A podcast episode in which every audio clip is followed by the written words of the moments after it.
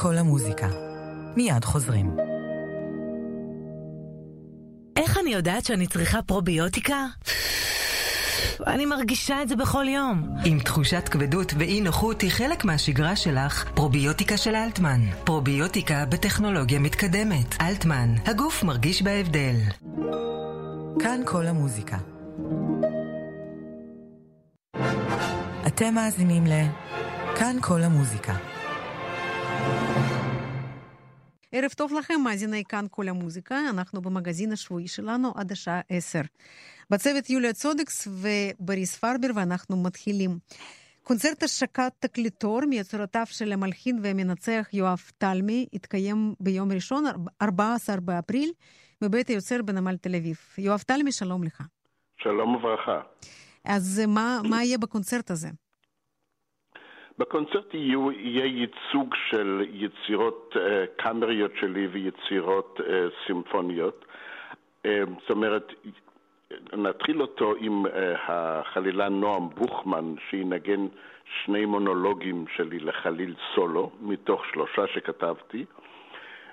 לאחר מכן חמישיית תל אביב לכלי נשיפה תבצע את הפרק האחרון מהחמישייה לכלי נשיפה האחרונה שכתבתי, זאת היצירה האחרונה שכתבתי.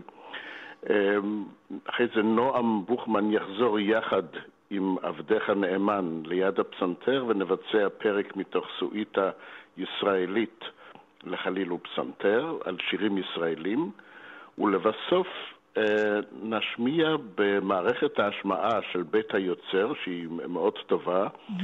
שני פרקים מיצירות הסימפוניות שלי שהן כלולות בתקליטור. אחד זה פרק השני מתוך De uh, Profundis, ממעמקים למקהלה ותזמורת, שבוצע גם uh, פה בארץ, mm-hmm. ולבסוף פרק מתוך יצירתי Animi, Animi Motus, שזה רגשות בלטינית, וזה לתזמורת עם מקהלת ילדים. כן. אה, זה גם בוצע כאן בארץ עם מקהלת אנקור ותזמורת ירושלים, אבל בביצוע על התקליטור זה עם אה, תזמורתי לשעבר בקוויבק, בקנדה, ומקהלת ילדים מצוינת שנמצאת שם. כן, אנחנו גם נשמע, אחרי ראיון, אנחנו נשמע את הפרק מתוך היצירה הזאת בדיוק בביצוע הזה. ומה בעצם, מה כולל התקליטור, את השני היצירות האלה, או יש עוד דברים? אז התקליטור כולל את שתי היצירות האלה ממעמקים ורגשות, ולאחר מכן את האלגיה לתזמורת מיתרים, אקורדיון וטימפני. שבוצע רק עכשיו על ידי אה, תזמורת אה, ראשון לציון בניצוחו של מוסטונן, איזה. ארבע, חמיש, חמש, בחמישה קונצרטים. כן. אה, ולאלה ששומעים את התקליטור הזה דרך, בקנייה אינטרנטית, uh-huh. אז יש גם בונוס שמקבלים את המוזיקה לחליל ומיתרים, אחת היצירות המוקדמות ביותר שכתבתי כשהייתי בן 20. כן, וזה בדיוק רציתי לשאול אותך, איך מוציאים היום תקליטור? מוציאים את התקליטור פיזית? אני הבנתי שיש גם את הגרסה האינטרנטית, אבל כן. יש גם את ה... בהחלט, כן. בהחלט. הוצאנו את התקליטורים, הם נראים מאוד יפים, על העטיפה יש ציור של אבי שהיה צייר ומוזיקאי. והתקליטורים האלה יהיו גם למכירה, במחיר מאוד מיוחד בערב עצמו. כן, גם הקונצרט הוא במחיר מאוד מיוחד, בעצם זה קונצרט השקה של, של התקליטור, כן? ו... נכון, הכניסה עולה בסך הכל 15 שקלים, שזה באמת כמעט בחינם. כן. כדי שאנשים באמת יבואו ויוכלו ליהנות מהערב המאוד מיוחד הזה. ברור. וזה ב-14 באפריל בבית היוצר, נמל תל אביב, יואב תלמי, המלחין כן. והמנצח. אני מאוד מודה לך, וכמו שאמרתי, אנחנו נשמע עכשיו את הפרק האחרון של, של הרגשות, אני ממוטוס, בביצוע מקהלת ילדים והתזמורת הסימפונית של קוויבק, ואתה, יואב טל, מנצח. תודה, תודה לך. תודה רבה. להתראות. כל טוב, להתראות.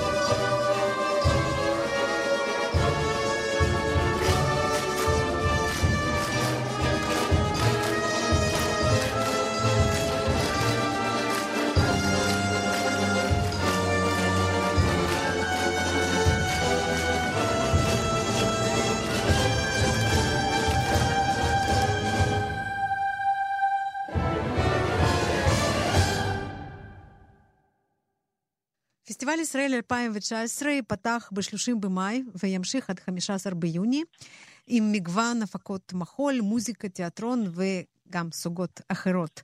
ואנחנו נדבר היום על החלק המוזיקלי של הפסטיבל. התוכנית שלו נחשפה בימים האחרונים. מדברים עם איציק ג'ולי, המנהל האומנותי של פסטיבל ישראל. שלום לך, איציק. שלום רב. אז מה בתוכנית המוזיקלית? התוכנית המוזיקלית שלנו היא מאוד מגוונת ויש לה מנעד שמתחיל מסצנת ההיפ-הופ והאלקטרוניקה ועד פצחולסט, הפלנטות, מסע בין כוכבים של אנסמבל טרמולו ומולטי פיאנו. יש לנו שפע של דברים. אני רוצה לשים פוקוס מאוד מסוים שקיים בפסטיבל, לתת איזשהו מבט מעניין על התחום הווקאלי שמקבל תשומת לב מאוד מיוחדת השנה, גם דרך ההיפ-הופ וגם דרך עבודה קלאסית. מגיע אלינו הרכב מאוד מיוחד של מקהלה דרמטית בשם Songs of Goats, שמנהל אותה גז'גוש ברל מפולין, מברצלב. זאת מקהלה דרמטית שעובדת על חומרים מתחום התיאטרון וחומרים מתחום הפיוט. והיא מגיעה עם מופע מאוד מיוחד, שהוא בעצם איזשהו פירוק של uh, המלך ליר של שייקספיר, איזו התרשמות ווקאלית דרמטית של המחזה הזה, שווה מאוד לשים לב לזה. Mm-hmm. הם שרים בקופטית ובלועזית, וזאת עבודה מאוד מאוד יפה ומרגשת. לצד זה יש uh, uh, עבודה מקהלתית של קבוצת גיי בן הינום, שהיא קבוצה ישראלית שעובדת מספר שנים. ומנסה גם היא, יחד עם, כמו החבר'ה מפולין, לחשוב מחדש על, על המקהלה, לחשוב מחדש על, על השימוש הקולי, על החומרים הקוליים ועל הפעולה שהמקהלה עושה ביחס לקהל, ומה היא מאפשרת לו לחוות בזמן המופע שלה. הם יעשו, יעבדו עם טקסטים של דוד אבידן, mm-hmm. זו עבודה מאוד מרגשת.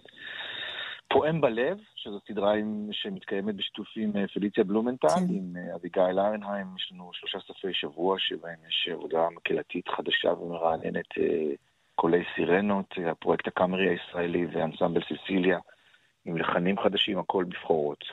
Mm-hmm. אז עד כאן העניין הקולי. כן. עכשיו העניין הקהילי. העניין הקהילי האחר, שני עבודות מאוד מיוחדות ששווה גם כן לשים להם לב.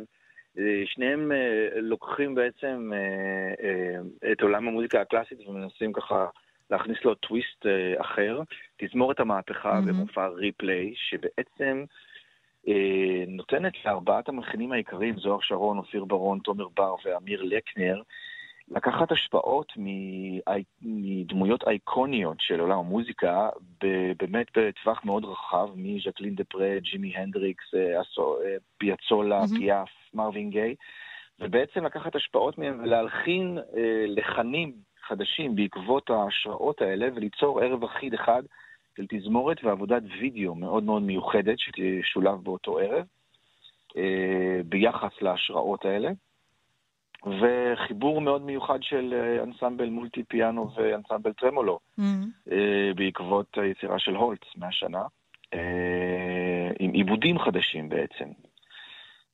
ברדנשווילי, אבנר דורמן, חנני, ישראל שרון ועוד, נכנסים לתוך היצירה הזאת, מאבדים אותה מחדש לפסנתרים ונקשנים, ומוציאים ממנה עולם חדש ומרענן. כן. כל, ה, כל, כל זה קורה בירושלים? או... הכל קורה בירושלים, כן. לא, כן. כי אני זוכרת שפעם היו מופעים של פסטיבל ישראל גם במקומות אחרים, אבל עכשיו אתם מתמקדים בירושלים. כן, אנחנו נמצאים בירושלים, אנחנו חשבנו שיהיה נכון בשנים האחרונות להחזיר את הקהל אלינו ולוודא שהוא, שהכל קורה במורכז. זה לא שאנחנו נמנעים בעתיד, בטח יהיו אנחנו ניפתח למקומות אחרים, אבל כרגע הכל מרוכז בירושלים. ממש בכמה מילים, איך אתם בונים את התוכנית של הפסטיבל? זאת אומרת, כי יש הרבה מאוד תחומי אומנות ותרבות שאתם מכניסים לשם, אז איזה משקל יש לכל אחד מהם? אנחנו מנסים למצוא איזון כמובן בין הדברים, אבל מה שמנחה אותנו כמובן זה איכות אומנותית בראש ובראשונה. אנחנו מסתכלים על, על כל הז'אנרים ומחפשים באמת מכל ז'אנר ומכל תחום פרויקטים שבאמת מנסים לחשוב מחדש על אותו תחום, לנסות לתת לו איזשהו סוג של זווית אחרת, חשיבה אחרת, צבע חדש, איזשהו מקום לפתוח חלון נוסף בעשייה, ושם אנחנו מתמזגים עם אותו, עם אותו גוף אומנותי, עם אותו פרויקט. וזה מתחיל, כמו שאמרתי, ב-30 במאי. נכון. נמשך יותר משבועיים עד 15 ביוני, פסטיבל ישראל. בירושלים, איציק ג'ולי, המנהל האמנותי, אני מאוד מודה לך, שיהיה בהצלחה. תודה רבה. ואנחנו נשמע את, את הקטע, איש הטנגו, שמנגן את תזמורת מהפכה, זה בדיוק מה שדיברת, הפרפרזה על פיאצולה, ואנחנו נשמע, mm-hmm. נשמע אותו עכשיו, ו, וגם אפשר לשמוע אותם בפסטיבל כמובן. איציק, תודה. תודה רבה. להתראות. להתראות.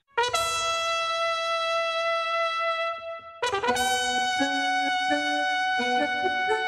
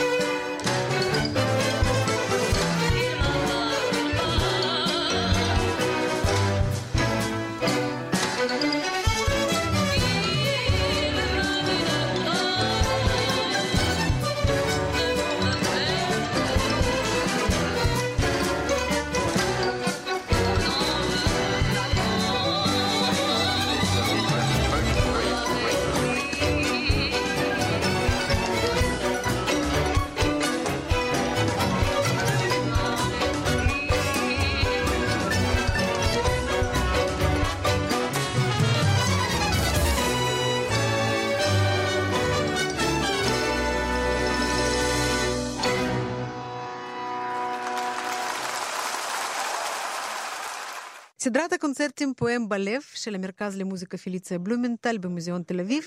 דיברנו על הסדרה הזאת הרבה אה, פעמים בתוכנית הזאת, והקונצרט הבא, אדם ומקום, במוצאי שבת עם הפסנתרנית עפרה יצחקי. שלום עפרה. שלום. אז מה בתוכנית? התוכנית הזאת תכלול אה, כמה וכמה, למעשה שש יצירות אה, ישראליות, שחלקן ניגנתי בשנים האחרונות ובחרתי לנגן שוב, חלקן חדשות. אה, יצירות של אה, אה, חביב חסן תומה, ויסאם ג'ובראן, ליאור נבוק, פרדינה שלונסקי, יוסף טל ובן ציון אורגד. למעשה יצירות שנכתבו, הולחנו בין השנים, ככה סביבות 1930 וממש עד 2017, היצירה של ליאור נבוק היא ממש חדשה מלפני, מלפני כשנה. פרט למוזיקה עצמה, אני בחרתי ככה ממש אה, בכמה קטעי טקסט, לבחון איזושהי סוגיה שמעניינת אותי גם אישית בתור מוזיקאית ובתור יוצרת, שזה מה, מהו הקשר בין האנשים שיוצרים, בין המלחינים, לבין המקום שהם נמצאים בו. האם יש איזשהו קשר? האם יש איזושהי השפעה? מה שעשיתי, פשוט מצאתי טקסטים מסוגים שונים שכתבו המלחינים עצמם. Mm-hmm. חלק מהטקסטים הם טקסטים של זיכרונות, כמו למשל יוסף טל, שכתב אוטוביוגרפיה, או בן ציון אורגד, שכתב כל מיני הגיגים שלו לפני שהוא נפטר. וחלק הם יותר, הייתי אומרת, טקסטים של עיון, כמו למשל חביב חסן תומה, שהיה גם אתנומוזיקולוג וכתב על המוזיקה של הערבים והיחס שלה לאזור בכלל של המזרח הקרוב. יש גם טקסט שהוא שיר, שהוא שירה של ויסאם ג'ובראן. Mm-hmm. ויש רעיון מאוד מעניין שעשתה הסופרת רונית מטלון עם, עם המלחינה ורדינה שלונסקי, שבו היא גם מספרת למעשה על הקשר שלה, או יותר נכון, האי קשר, או אולי זרות, במקום שבו היא חיה. Mm-hmm. ולכן בעצם שם הקונצרט, כן? אדם ומקום. כן, כן, כן. בסך הכל זה, זה באמת קונצרט שמציג מוזיקה ישראלית לפסנתר, אבל בחרתי להציג את זה מה, מהזווית הזאת, וביקשתי מהשחקן דורי אנגל, שאני כבר עובדת איתו כמה וכמה שנים על כל מיני תוכניות, ביקשתי ממנו ש... שיקרא את הטקסטים האלה בין, בין היצירות. Mm-hmm. והתקופות שונות, כמו שאמרת, וגם הסגנונות הם שונים? הסגנונות הם שונים, כן. זה, זה הכל מוזיקה חדשה, אבל אפשר לראות כל, כל מיני פנים של המוזיקה של המאה ה-20, ולא רק פה בארץ. אפשר לראות אצל יוסף טל, שזו יצירה מוקדמת שלו משנות ה-30. אפשר לראות באמת את ההשפעה של הלימודים שלו באקדמיה לאמנויות בברלין, ששם הוא היה בהשפעה של הינדמית, ואולי קצת שנברג, וסטרווינסקי. אפשר לראות ככה ממש יצירה מודרניסטית של שנות ה-30. Mm-hmm. לעומת זאת, אצל ליאור נבוק, שהוא משנת 2017, אולי אפילו אפשר לומר שהמוזיקה יותר... קלאסית. יותר קלה לשמיעה. כן.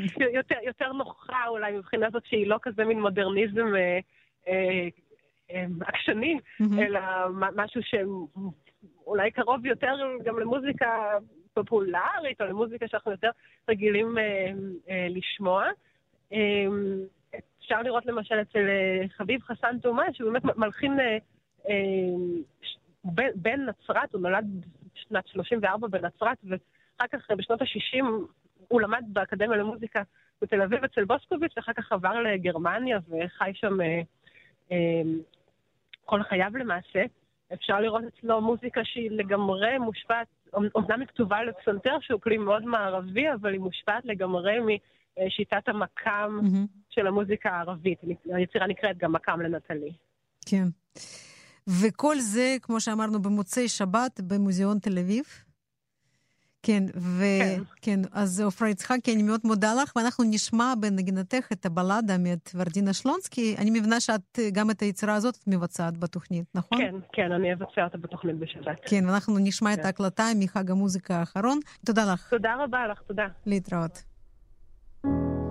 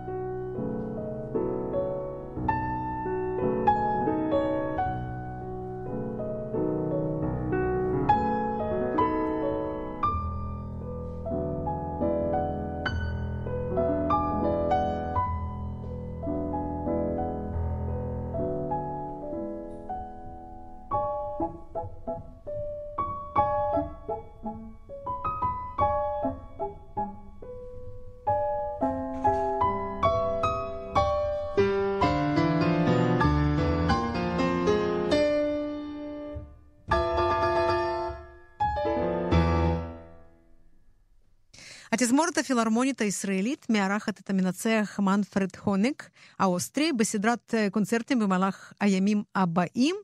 בתוכנית הרקוויאם הגרמני מאת ברמס והקונצ'רטו לכינור מאת מויסי מיצ'סלב ויינברג, מלחין סובייטי פולני ממוצא יהודי.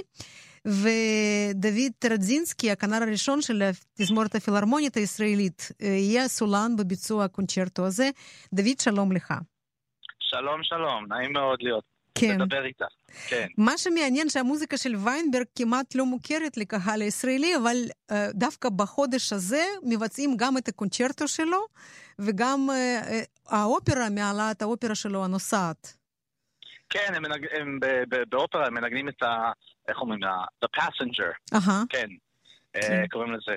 וכן, זה קונצ'רטו שאני שמעתי כשהייתי מאוד צעיר, כשהייתי בן, לא יודע, 13-14 אולי, פעם ראשונה ששמעתי את ההקלטה של אה, ליאוניד קוגן, אהה, מנגן אוקיי. את הקונצ'רטו הזה.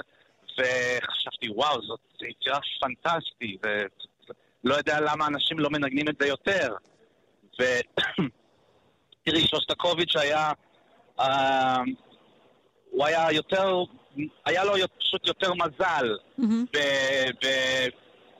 איך אומרים, in the Stalinist regime, כן, כן? אהה, Um, בתקופה של sometimes סטלין. I, for, מהמם. for, for those who are listening, um, sometimes it's easier to speak in English than in Hebrew. אוקיי, זה בסדר, Uh, כן. But but uh, so I'll explain in English. מהמם. Um, Weinberg's family was almost his entire family was killed כן, um, in the Kishinev massacre. Uh, in in of course during the war, his, both of his parents were killed. His younger sister was killed. Uh, he fled to Tashkent, where he met Shostakovich, um, and they became very, very good friends. Mm-hmm. Shostakovich later encouraged Weinberg to come to Moscow with him. And he was a very well respected composer by everybody, by Shostakovich, by Prokofiev, by you know, by Kogan, mm-hmm. uh, by by Rostropovich, who premiered his cello concerto uh, all of the great Soviet musicians, they all had an enormous respect for Weinberg. Uh, but he was, I would say, the most persecuted of the musicians. I mean, one of the most. I mean, his he was arrested eventually. His father-in-law mm-hmm. was arrested and, and murdered by the Stalinist regime. Okay. And then Weinberg himself was arrested under a charge of, you know, this quote unquote Jewish bourgeois nationalism. Mm-hmm. Uh, and they were, you know, he, he could have been sent to Siberia or, or, or executed. Um, and Shostakovich sent letters to the chief of the secret police, uh, and he, he was pleading for his life. Uh, and eventually, what saved Weinberg's life was when Stalin died. Yes. And he was released. אני אני אתרגם בקצרה את מה שאמרת, אני בטוחה ש... כן. כן, שרוב המאזינים שלנו הבינו, אבל אני בכל זאת אני כן. אגיד אה, שדוד מספר שוויינברג היה מלחין מאוד מאוד מוערך על ידי המוזיקאים הגדולים הסובייטים, כמו, כמו פרוקופיב ושוסטקוביץ' ורוסטרופוביץ'. אה, שוסטקוביץ' היה אחד מהחברים הכי טובים, אה, הכי קרובים שלו. אבל הוא היה אה, חסר מזל, והוא היה אה, ממש תחת ההשפעה של התקופה, תקופה סטליניסטית, גם הקרובי משפחה שלו היו, נעצרו, ובעצם... אה, סטלין השמיד את, את הקרובי משפחה שלו, בנוסף לזה שכל המשפחה שלו בעצם נספה בשואה וגם לפני זה בפוגרום קישינב. וויינברג כן. עצמו היה נעצר, ובעצם התמיכה של שוסטקוביץ' והמכתב אה, אה, הציל, אותו, אבל בסופו של דבר אה, רק מות של סטלין הציל את, את ויינברג מ... מהמוות, ממעצר ממושך במחנות. והוא חי עד, הוא חי עד, עד שנת 1996. כן, נכון. כן. ו... הוא כתב המון מוזיקה, הוא כתב 22 סימפוניות, 17 רביעיות, אה, לא יודע, הוא, כת, הוא כתב המון מוזיקה. כן, המון, ו- המון. ואני גיליתי היום, כשהתכוננתי לרעיון הזה, גיליתי היום שהבת שלו בעצם חיה בישראל. כן, אה, בעצם אני דיברתי איתה עכשיו, אה, לא מזמן, אתמול דיברתי איתה, אהה. כתבתי, איתה, היא עכשיו גרה בטורונטו, אני חושב, אהה. אבל כן, עלתה לישראל, כן, כן, עלתה, היא עלתה לישראל, כן, נכון. כן. תגיד, והסגנון של, ה, של המוזיקה שלו, איך אתה מגדיר אותו? הוא באמת קרוב תראי. ל- לשוסטקוביץ'? אמ, אומרים ש... אנחנו אומרים שהוא קרוב לשוסטקוביץ' כי כולם מכירים את שוסטקוביץ' יותר מוויינברג. אבל האמת שגם שוסטקוביץ' מאוד קרוב לוויינברג, מהמם. לסגנון של ויינברג. זה פשוט שאנחנו מכירים את שוסטקוביץ', את המוזיקה של שוסטקוביץ' הרבה יותר טוב. כן, אה, כי, את יודעת, זה, ש... זה שוויינברג היה יהודי לא עזר לו ברוסיה. כן, Um, והם השפיעו, איך אומרים? They, they influenced each other. השפיעו great אחד על השני, כן. כן. ו- והם דיברו המון, הם, הם, הם, הם היו כמעט uh, שכנים, אז הם תמיד, הם דיברו המון ביחד על, על, על מוזיקה, על כל מיני רעיונות. ויינברג משתמש עם המון, איך אומרים? Jewish folk, folk elements in his music. אהה, אלמנטים אה, יהודיים, כן, עממיים. אלמנטים יהודים. אלמנטים פולנים, אלמנטים מולדבים, ואפילו אלמנטים מארמניה. אז, אז, אז כל, מה, מה- מה שאנחנו שומעים את ה... יש, יש, במוזיקה של שוסטקוביץ', יש אה, אלמנטים יהודים, נכון. וזה בא מוויינברג. מהמם, זה בא מוויינברג. אז, אז אה, ואנשים מתחילים, את רואה שעכשיו באופרה מנגנים את האופרה שלו, אה, רק לפני, לא יודע אם זה היה לפני שבוע או שבועיים, שבועיים, גדעון קריימר ניגן את הדביוט של הוויינברג קונצ'רטו עם הבוסטון, עם הסימפוניה של בוסטון. מהמם, אז אנשים רק עכשיו כן. מתחילים אה, to discover his מהמם. music. לגלות את המוזיקה שלו. לגלות, כן, כן. השנה זה 100 שנים להולדתו, וכן, אולי זה בגלל התאריך, אבל בעיקר בגלל, כנראה, בגלל המוזיקה הנפלאה. וזה היה הרעיון שלך לנגן את הקונצ'רטו הזה? כן, אה, תראי, אני אה, גדלתי עם משפחה מוזיקלית, אבא, שלי מלחין, מהמם, אימא שלי מלמדת פסנתר. אז אה, יש לנו המון, היו לנו, יש לנו עדיין המון הקלטות בבית. כן. אז אני, ו- וכשהייתי צעיר, ת- אני תמיד, תמיד הקשבתי להקלטות, כל מיני הקלטות, אה, ו... ואת את ויינברג, איך שאבא שלי אמר לי פעם, הוא אמר, אה, כדאי לך לשמוע את ויינברג, מלחין ממש, ממש טוב. ו... אז, אז כשהקשבתי את, ל- ל- לקונצ'רטו שלו, אמרתי, וואו, זה ממש, כן. זאת מוזיקה טובה מאוד. אז... אומרים, I was exposed to, to his music at a very young age אהה, um, because, my, because I come from a family of musicians. ברור. נחשפת אה, למוזיקה שלו, כן, בגיל צעיר, כן, בגלל המשפחה. כן. זהו, כן, כן. טוב, אז אה, וכן, ואנחנו מאחלים לך הצלחה בביצוע. הקונצ'רטו הזה, אפשר לשמוע אותו ממש בימים האלה. עם- רבה. עם התזמורת הפילהרמונית, והזכרת את הביצוע של ליאוניד קוגן, וזה ביצוע באמת שמצאנו ב, במאגר שלנו, עם התזמורת הפילהרמונית של, של מוסקבה, קיריל קונדרשן מנצח, ואפשר לשמוע את דוד רדזינסקי עם התזמורת הפילהרמונית, כמו שאמרנו. תודה לך, דוד. תודה, תודה רבה, תודה רבה. להתראות. להתראות.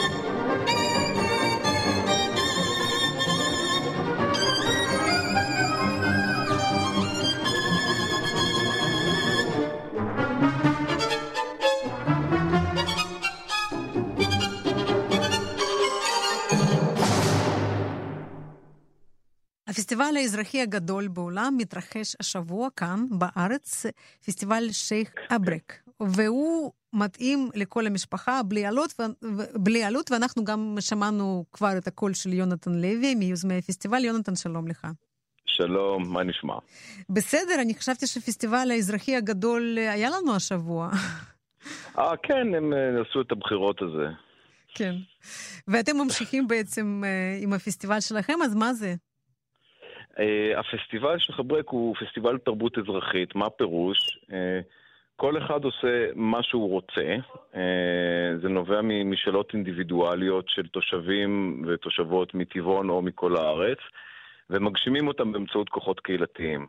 כלומר, אני עוזר לך להגשים איזושהי משאלה תרבותית או אומנותית, את עוזרת לאבי, אבי עוזר לחיים ו- וכן הלאה. וככה יש לנו תוכניה של 700 אירועים שונים שקורים בארבעה ימים, הכל חינם, אה, על פני כל קריית טבעון, בבתים, בחצרות, על העצים, ביער, באולמות, בכל מקום. Mm-hmm. אה, מוזיקה, מחול, סיורים, כל מיני אה, מסיבות, הרצאות, סדנאות, מה ש... יש המון המון המון פעילויות מכל מיני סוגים. כל יוזמה מבורכת, ופשוט אפשר להגיע לטבעון ולשוטט ולחוות הרפתקה בלתי רגילה. יש לכם מושג כמה אנשים משתתפים בפסטיבל הזה? כן. אה, מכיוון שיש 700 אירועים בתוכניה, וההערכה שלנו שעל כל אירוע עובדים בין שלושה לחמישה אנשים, אז אנחנו מדברים על בין 2,000 ל... לא יודע, מה החישוב? 4,500 אנשים, mm-hmm. יוצרים, מתנדבים. ומה זה אומר ש... כאילו, איך עושים פסטיבל בלי, אה, בלי אה, כניסה בכסף? זאת אומרת, מישהו משלם על זה, או שפשוט אחד נותן לשני וככה זה? נקודת המוצא של הפסטיבל בהפקה היא אפס שקלים. כלומר, אנחנו לא מחכים ל... לקבל תקציבים מאף אחד. אחר כך, אחרי שיוצאים לדרך, אנחנו רואים כמה כסף שצריך ומאיפה אפשר להשיג אותו. אז זה קודם כל במימון אזרחי, אנחנו עושים גיוס, כולם אה, מוזמנים להיכנס לאתר JGive.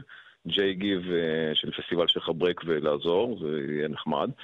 אה, וקצת אה, מועצת טבעון תומכת ועוד רשות לפיתוח הגליל, אבל בגדול זה הכל מבוסס על גיוס אזרחי. Mm-hmm. ומכיוון שהכל... מכיוון שהתרבות היא בעצם נובעת מלבבות של אנשים, ומאהבה ומשמחה ומשאלות אומנותיות, אז ברגע שנותנים לאנשים אה, הזדמנות אה, לבטא אותם ולהגשים אותם, אז משהו נכנס לתמונה שהוא יותר חזק מכסף, אה, שזה הרצון לעשות ולתת וליצור. ולכן יש פסטיבל כזה בעלות שהיא גם סוג של שיא עולם, אני חושב. התקציב שלנו הוא 100 אלף שקל ו... ויש 700 אירועים, שזה... כן. ש... שאם מדינה הייתה מפיקה את זה, זה היה עולה מיליונים רבים. כן. ואז אה, אתם עשיתם כבר בעבר את הפסטיבל מסוג זה, נכון? זאת הפעם השלישית. פעם השלישית. כלומר, הפסטיבל קיים שנתיים. הבנתי. והוא כבר התחיל אתמול, אז אתה יכול אה, לספר לי דוגמה. אני מגיעה לקריית טבעון, מה, מה אני אה, מוצאת שם? איפה okay. אני אוקיי. מחפשת איך, את האירועים שמתאימים איך שאת מגיעה כן. לטבעון, אז יש שם את רחבת אה, מרכז ההנצחה, שכולם בוודאי מכירים אותה, מי שמכיר את טבעון. אז יש שם כיפה גיאודזית ענקית אה, שהרימו תושבים, ו... כל מי שבא לוקח משולש מתוך הכיפה הגיאודזית ויכול לרקום, ובונים שם קליידוסקופ ענקי עם קרוסלה. Mm-hmm. ליד זה יש מגדל מים. אה, ויש שם תערוכת אומנות אה, עם נורות וגופי תאורה של קרן נחושתן. יש כ-70 אה, סלונים שמארחים הופעות מוזיקליות מכל סוג, מקלאסית, ג'אז, ברזילאי, מטאל, מטאל חרדי, היפ-הופ, כל דבר ש, שתרצי. בכיכר בן גוריון יש, הפכנו אותה לגלריית אומנות. ושם יש אה, בחלל הציבורי ובחללים מסחריים כל מיני אה, דברים אה, מעניינים. יש במרכז ההנצחה מלא מלא פעילויות. יש כפר קרקס בחטיבת הביניים אורט, יש מתחם של הקישון, פארק הקטר, רואים לכל המשפחה, יש מחנה פליטים שקורה בבית הכנסת הרפורמי, עם גם פעילויות מגוונות ומעניינות. אה, וכן הלאה וכן הלאה, ייקח לנו הרבה זמן אם אני אמשיך. כן, ואנשים, אה, אלה שלא גרים בסביבה, פשוט מגיעים עם, עם אוהל ו, ונשארים שם, כן? לכל... יש אופציות לינה, mm-hmm. זה פסטיבל אירוח, מי שמגיע אפשר למצוא לו מקום לחצר עם קמפינג, והוא יכול להעביר את הלילה, וזה כיף גדול. כן, וזה נמשך גם היום וגם מחר, עד איזה שעה?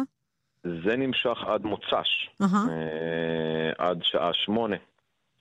יופי, אז אפשר להעביר שם סוף שבוע.